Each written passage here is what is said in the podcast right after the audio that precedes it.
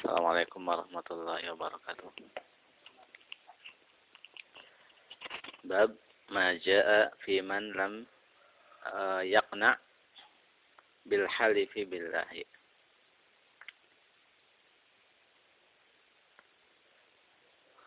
Uh, bab tentang dalil-dalil yang menjelaskan tentang uh, orang yang tidak puas dengan disumpahi dengan nama Allah.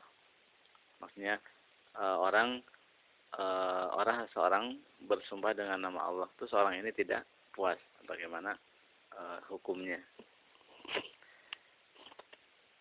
An ibnu An ibnu Umar anna Rasulullah sallallahu alaihi wasallam qala dari Ibnu Umar radhiyallahu taala anhuma bahwa Rasulullah sallallahu alaihi wasallam berkata La tahlifu bi abaikum man halafa billahi falyasduq wa man hulifa lahu billahi falyarda wa man lam yarda falaysa minallahi rawahu Ibnu Majah bisanadin hasanin Rasulullah SAW mengatakan eh, jangan kalian bersumpah dengan nama bapak-bapak kalian. Barang siapa yang sumpah dengan nama Allah maka hendaklah dia jujur dan barang siapa yang disumpahi dengan nama Allah, maka hendaklah dia ridho. Dan barang siapa yang ridho, maka dia bukan termasuk dari uh, Allah. Maksudnya bukan dalam jaminan Allah. Di sini larangan sumpah dengan selain nama Allah. Ini kan sudah uh, lalu. Larangan sumpah dengan selain nama Allah. Dan itu masuk syirik asgar. Dari sini Man halafa billah falyasduq. Barang siapa yang sumpah dengan nama Allah hendaklah Pak jujur. Karena kejujuran walaupun tidak e, sumpah orang harus apa? Harus jujur itu.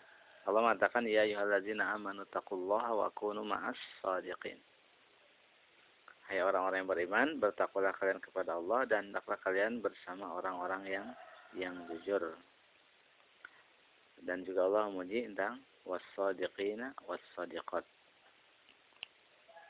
Uh, kemudian orang ketika sumpah dengan nama Allah tapi dia bohong, berarti dia telah menjadikan nama Allah itu kan sebagai apa? Sebagai uh, hal yang dijajakan itu kan untuk uh, melariskan kebohongannya.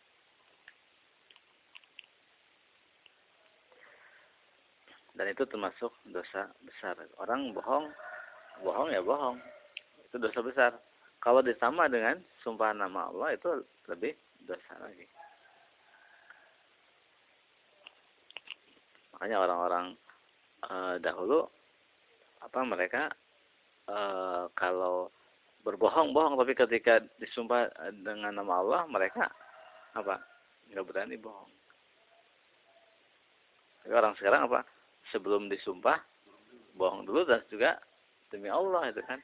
Itu apa? Termasuk eh, orang-orang uh, yang uh, apa mempermudah uh, apa sumpah. Dalam jual beli orang sumpah kan demi Allah ini harganya sekian mudahan sekian kan. Itu apa? Melariskan barang tapi menghilangkan barokah. Kan dalam hadis juga uh, tiga orang yang tidak akan Allah uh, sucikan, Allah tidak akan men, uh, mem, apa, me, mengajaknya bicara, Allah tidak akan uh, me, man, apa, memperhatikannya dan bagi mereka azab yang pedih. Orang apa? Rajulan, rajulun baya'a rajulan bisil'atin ba'dal asri fahalafa lahu billahi la akhazaha bikaza wa kaza fasaddaqahu wa huwa ala ghairi zalika uh, orang yang menjual barang habis asar terus sumpah dengan nama Allah bahwa dia mengambilnya sekian sekian terus dibenarkan padahal tidak apa tidak seperti itu. Itu dosa dosa besar kemudian man khulifalahu billahi falyarda. Barang siapa yang disumpahi dengan nama Allah maka hendaklah dia ridha. Wa man lam yarda falaysa minallah di sini orang ketika disumpahi dengan nama Allah harus ridho. Tapi maksudnya yang bagaimana? Apa orang udah jelas kebohongannya itu kan depan mata.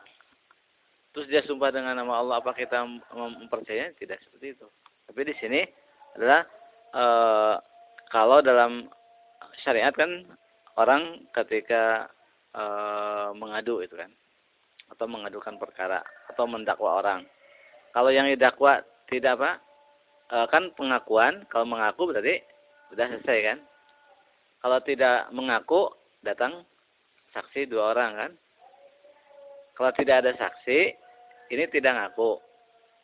Terus tidak ada saksi. Maka dalam Islam apa? Orang yang dituduh apa? Sumpah. Kan al-bayinatu alal mudda'i wal yaminu alaman ankara. E, bukti saksi harus diutarakan oleh orang yang mengklaim, yang mendakwa. Sedangkan sumpah atas orang yang mengingkari. Nah di sini ketika dia tidak mengaku, terus tidak orang yang nuduh juga tidak punya bukti saksi, maka apa? solusi terakhir sumpah. Nah, ketika orang itu disuruh sumpah, maka orang yang mendakwa harus menerima. Menerima putusan hukum Allah ini walaupun apa? Secara hakikat apa ternyata itu tidak sesuai dengan yang sebenarnya. Di sini amma idza lam yakun lahu bi lahu bi hukmi syariah ala khasmihi ila yamin fa ahlafahu fala raiba annahu yajibu alaihi ridha. Maksudnya kalau dalam hukum syariat itu orang uh, dia tidak apa tidak diputuskan terhadap lawannya kecil dengan sumpah, terus diminta sumpah maka harus apa itu? Tadi seperti yang saya gambarkan kalau nggak ada tidak ngaku, tidak ada saksi, tinggal sumpah, berarti harus نريمك وأما إذا كان فيما يجري بين الناس مما قد يقع في في الاعتذارات من بعضهم لبعض ونحو ذلك فهذا من حق المسلم على المسلم أن يقبل منه إذا حلف له معتذرا أو متبرئا من تهمة. ومن حقه عليه أن يحسن به الظن إذا لم يتبين خلافه. آه Adapun kalau dalam urusan-urusan yang biasa e, apa terjadi tengah manusia seperti orang apa e, mengutarakan alasan, oh demi Allah saya tadi sibuk itu kan nggak bisa datang itu itu kan seperti itu. Maka ini e, termasuk hak orang muslim atas orang muslim menerima apa alasan orang tersebut apa apabila dia bersumpah dengan nama Allah dan mengutarakan uzurnya atau dalam rangka melepaskan dari tuduhan dan juga e, orang muslim itu ya e, termasuk haknya untuk di husnuzoni itu kan ketika dia mengutarakan alasan dan dia sumpah selagi apa tidak ada bukti yang nyata yang menyelisihi. Tapi kalau kita orang bersumpah itu kan e, demi Allah saya tadi itu nggak bisa datang karena apa? E, umpamanya karena saya pergi apa ke Jakarta. Padahal kita lihat tadi dia ada di rumahnya. Itu kan menyelesaikan kan. Walaupun dia sumpah kita jangan enggak, enggak apa tidak percaya. Kenapa? Karena dia nyata bohongnya gitu kan.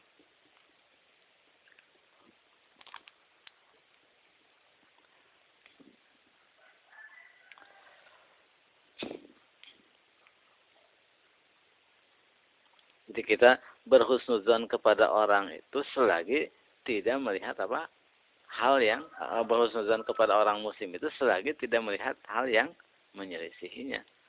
Jadi selagi kita masih ya istilah setengah-setengah itu kan. Tapi kalau udah jelas apa uh, jelas uh, menyelisihinya kita atau sikap husnuzon dalam uh, keadaan seperti itu bukan pada pada tempatnya.